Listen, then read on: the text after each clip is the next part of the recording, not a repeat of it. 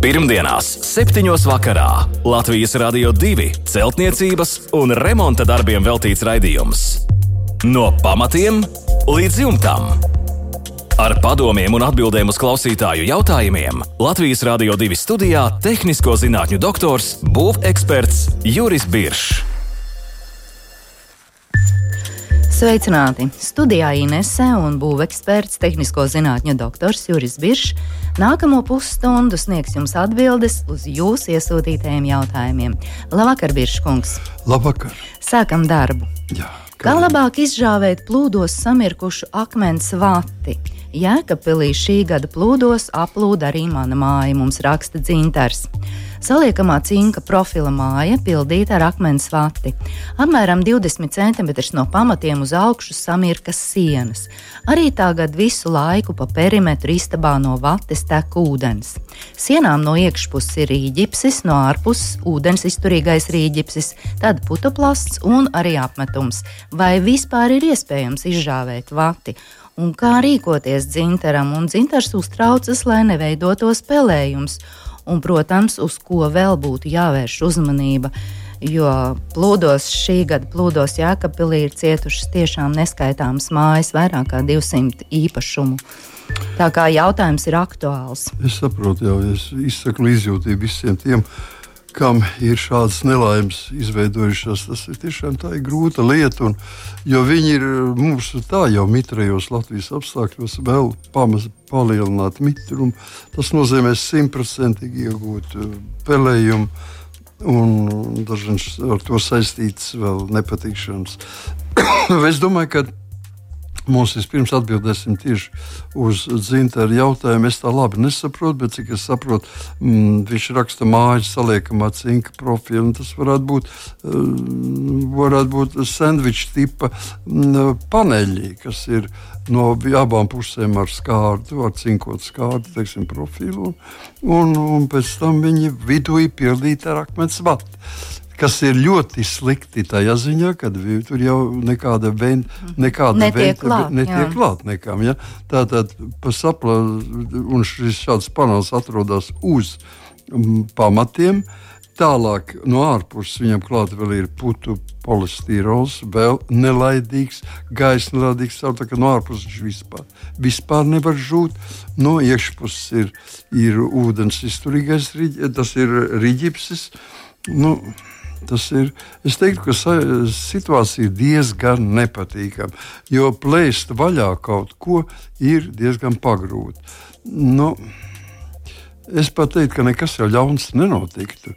Ja pirmkārt no iekšpuses, ja mēs esam pieejami pašreiz, un no iekšpuses, no ārpuses atstājam to visu, kas stāv.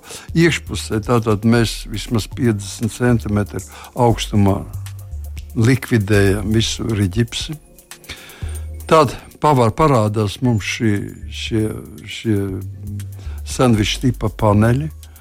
Un, ja reiz tas ir 20 centimetri virs pamatiem, tad šajā līmenī nedaudz zemāk, teiksim, sākot no kādiem 15 centimetriem uz leju, mēs varētu izgriezt Nekas daudz no tā nenotiek. Izgriezt atsevišķus logus, teiksim, 10 x 10 cm, kas ļautu vismaz kaut kādai gaisa kustībai notikt un žūšanai.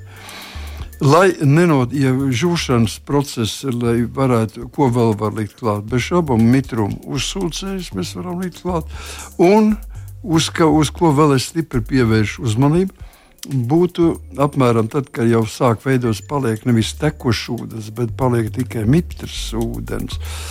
Nu, kas jau ne, netek pats par sevi lauka, tad vajadzētu nopirkt būvmateriālu veikalos, teiksim, kādus antibakteriālus līdzekļus, kas, nu, kas ir domāti iekštelpam, kas nav smirdīgi.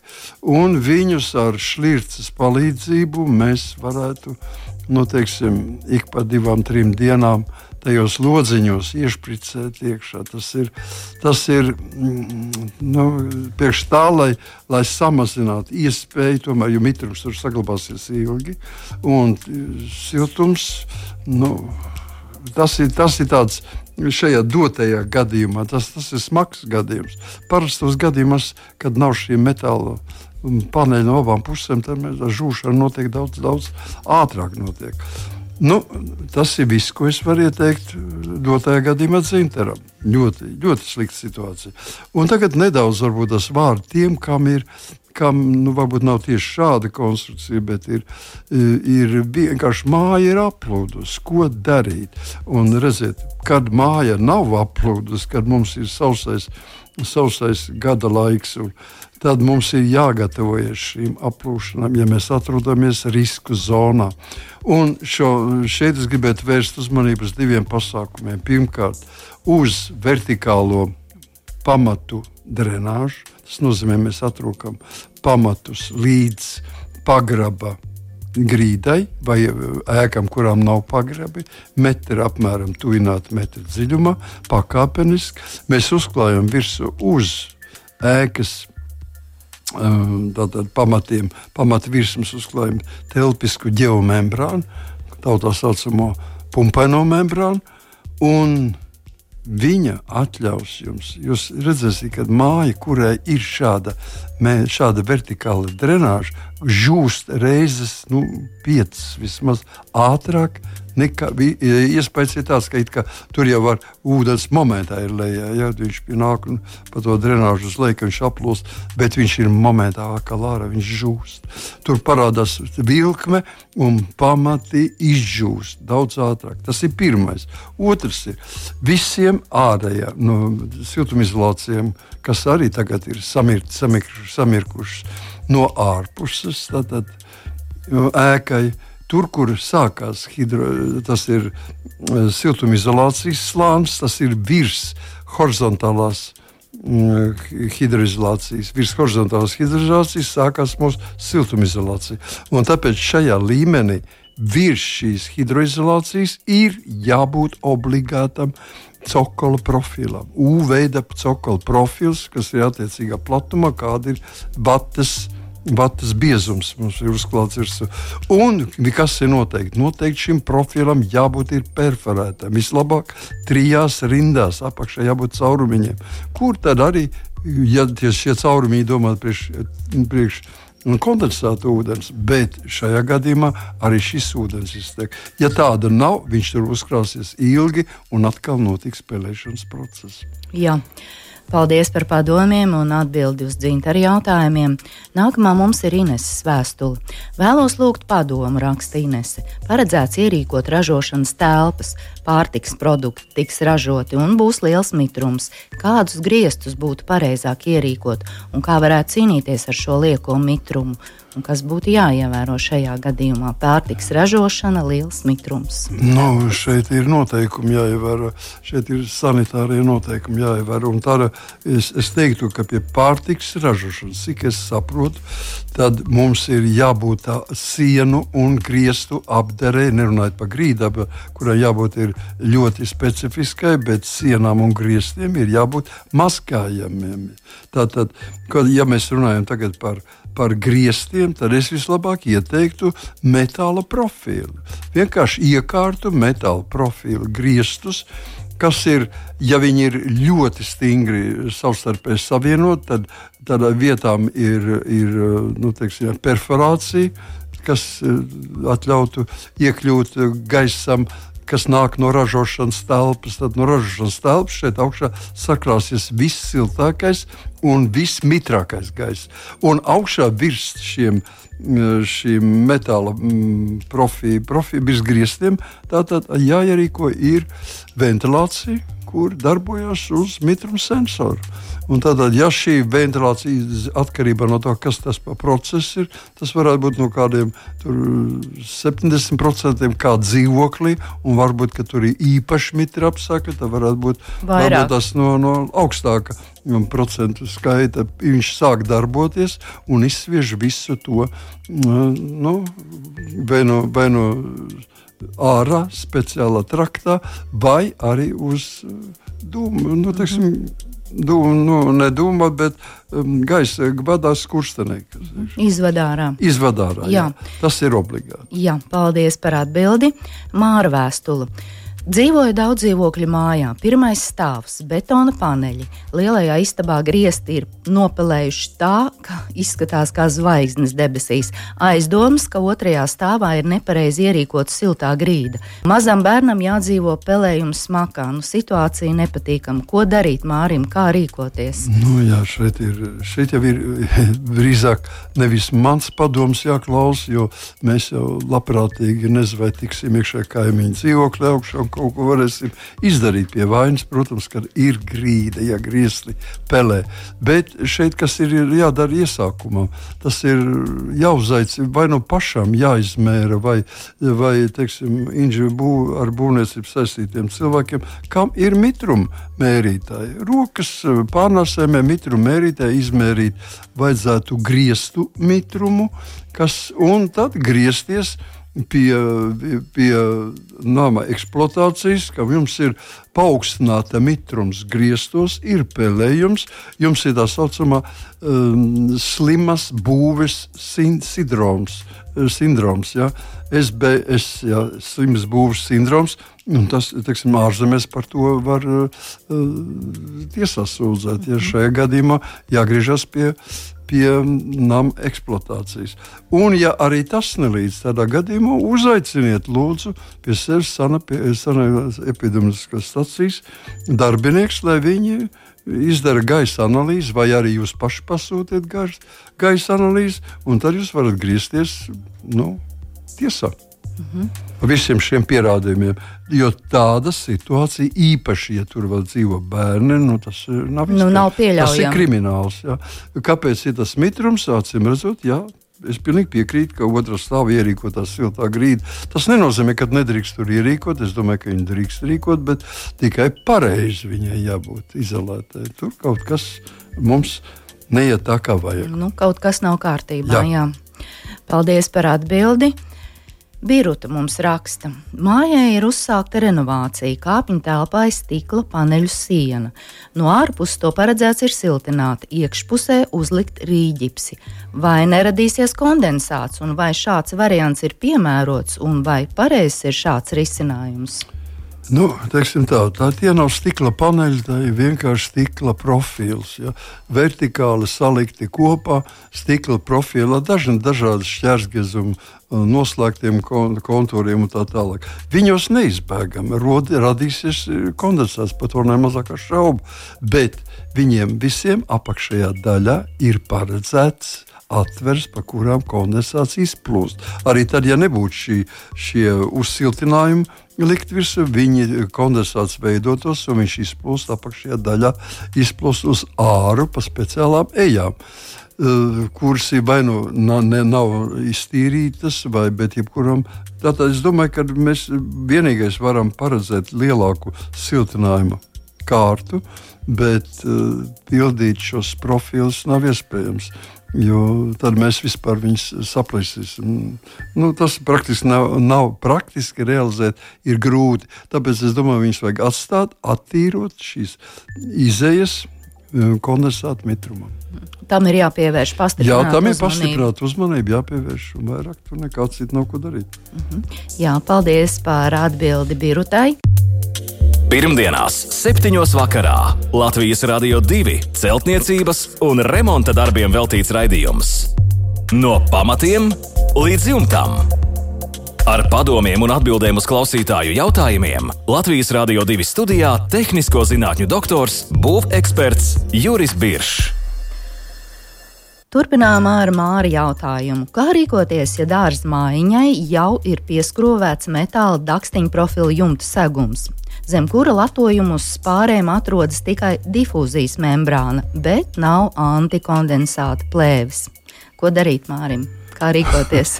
nu, viss izdarīts un plēst nosļaunies netaisās. Neko. Nu, un tas viss, nu, protams, jautājums ir vienkārši.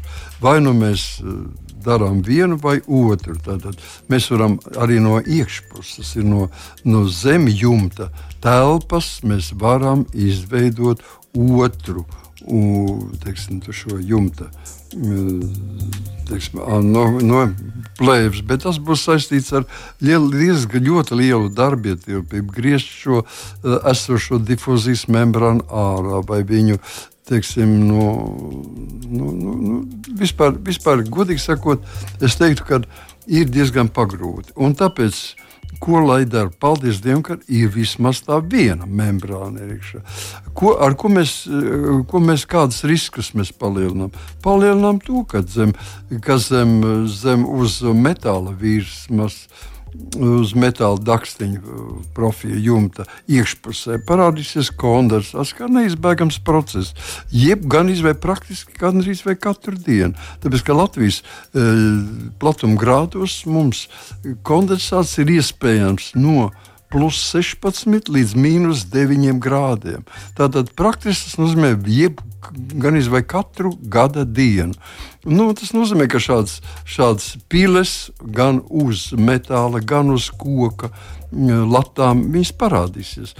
Un šajā gadījumā nu, viņas labākajā gadījumā nopilēs uz difūzijas membrāna, bet difūzijas membrāna ir ieva, tiek ievadīta jumta kastē. Tad, tad viņš iepludīs jumta kastē. Jums sapūs koku jumta kastes elementi un latas, par cik arī šī difūzijas plēma neaizsargā no tā.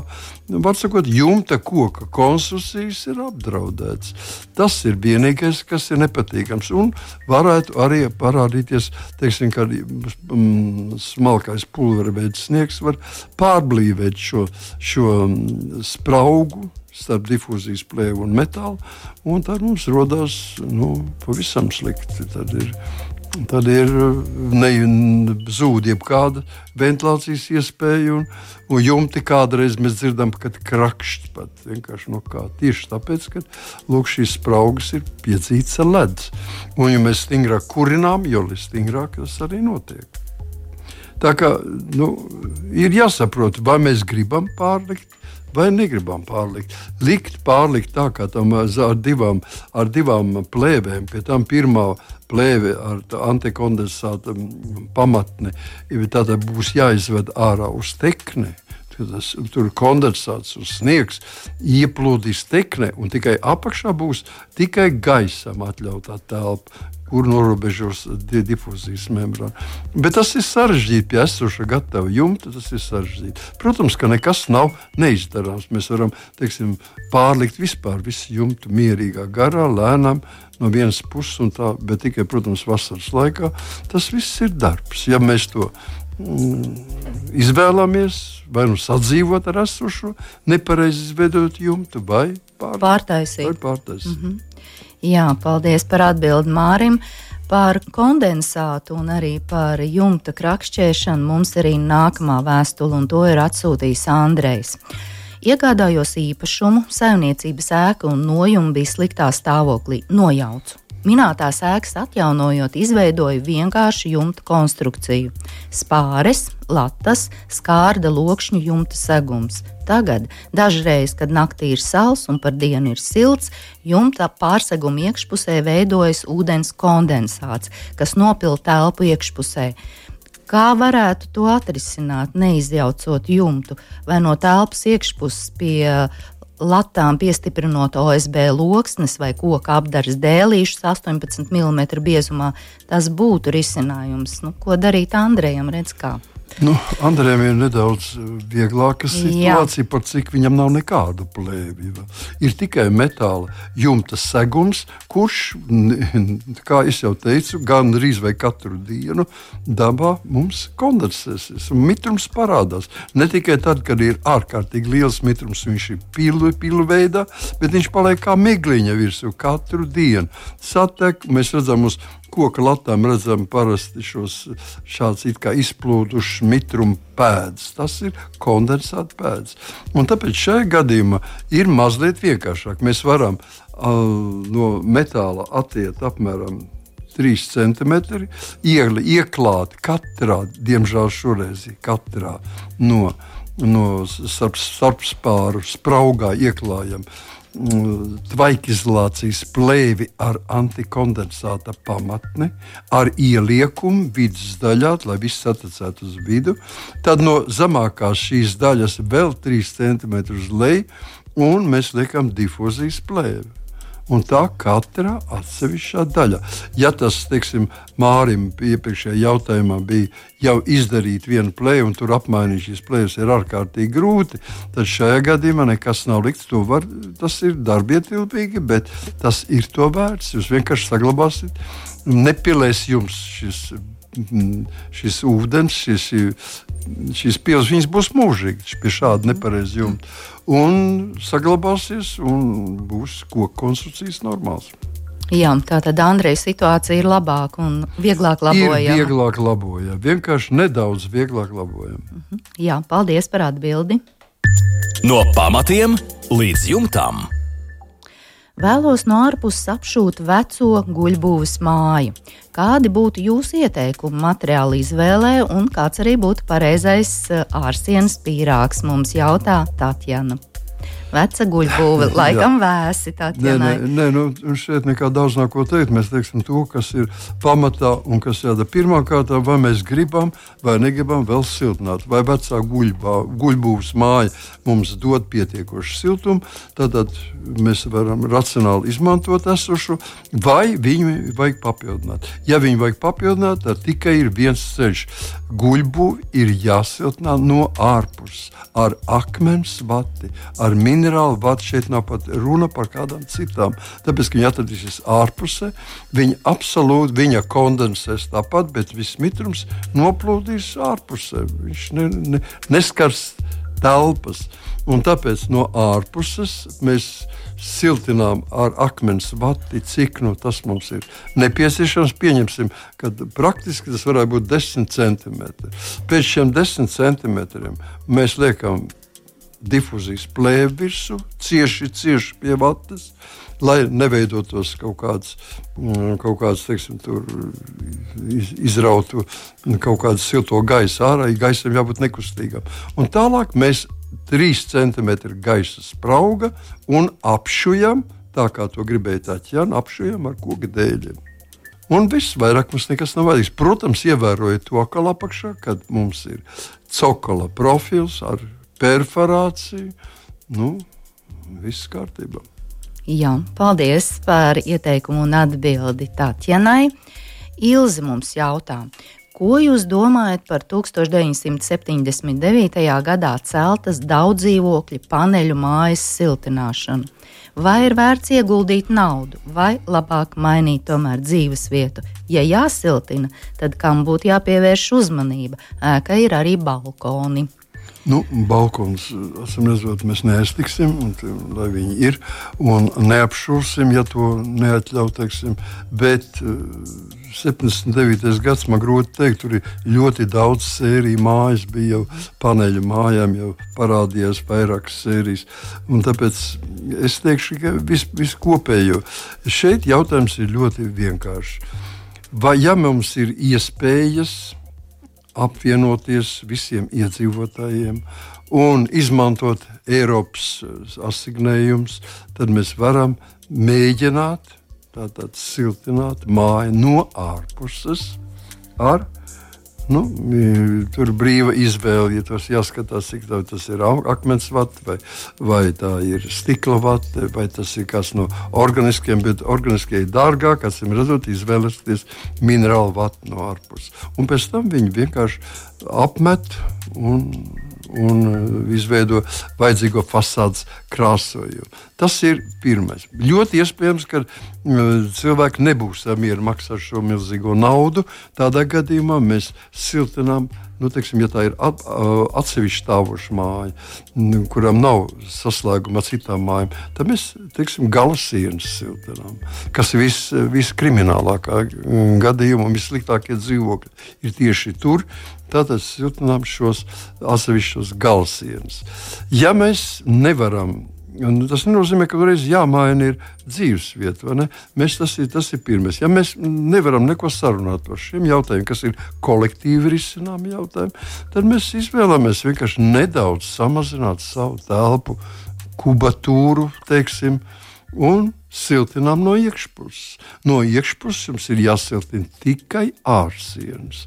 Un ārsienas es ieteiktu siltināt ar, ar vienu 2,5 cm biezu mīkstāku koku šķiedru plāksni, kas ir ar spundi visapkārt un kas ir pietiekuši lielu izmēru un kurām var ļoti, ļoti kārtīgi un, un ievērojot visu sienu defektus, varam ļoti kārtīgi nosiltināt iekšpusi. Vai vislabākais vēl ar divās kārtās, tas ir, būs 5 cm. Tādā gadījumā mēs zaudējam no telpas 5 cm.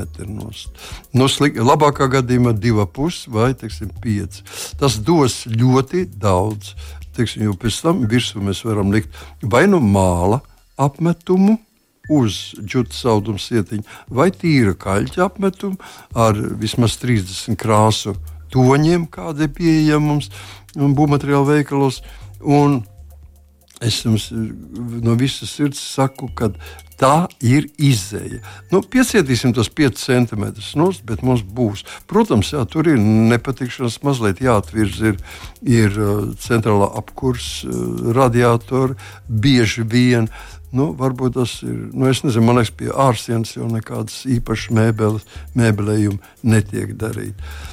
Tas ir, nu, es teiktu, mini-minimums.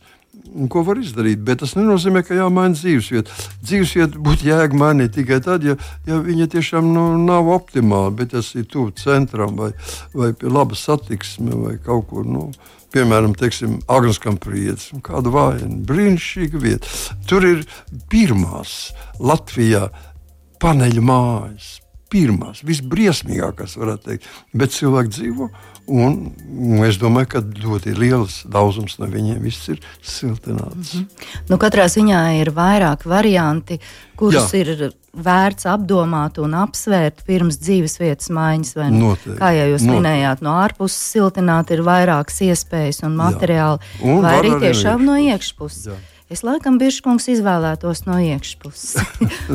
un pie reizes atsvaidzināt no, dzīvokli no, un uzfrišināt un svaigs no, jā, remontiņš. No, jā, tas ir jā, īpaši tiem cilvēkiem. Nu, tagad jau laikam jaunatni ir aizmirsus. Kādreiz cilvēki dzīvoja uh, kopietnēs, man liekas. Un tad nu, tur tās iztemijas bija tik maz, ka, kad teica, nu kā es varētu palielināt kubatu. Nu, noņemt tāpēc, tad paliks no, nu mazliet labāk. Nu, šajā gadījumā tiešām Ilzē ir jāpadomā, kādu risinājumu izvēlēties un kādu lēmumu pieņemt. Bet eh, šovakar mūsu raidījums tojas izskaņai. Jāatgādina gan mūsu e-pasta adrese remonts at lr2.lv. Sūtiet savus jautājumus. Ja ir iespēja, pievienojiet arī fototēlus. Uzskatāmi mums būs noteikti labāk un vieglāk dot jums padomu un ieteikumu precīzāku. Jautājumus varat iesūtīt arī izmantojot mūsu Latvijas Radio 2 mājaslapu un jau tuvāko raidījumu gaitā noteikti saņemsiet atbildi. Un vēl esam arī populārākajās raidierakstu straumēšanas vietnēs. Arī tur meklējiet mūs. Šoreiz paldies par kopā būšanu, lai jauks, mierīgs vakars visiem, un, protams, tiekamies pēc nedēļas. Visu labu! Pirmdienās, 7. vakarā Latvijas Rādio 2 celtniecības un remonta darbiem veltīts raidījums. No pamatiem līdz jumtam! Ar padomiem un atbildēm uz klausītāju jautājumiem Latvijas Rādio 2 studijā - tehnisko zinātņu doktors, būveksperts Juris Biršs.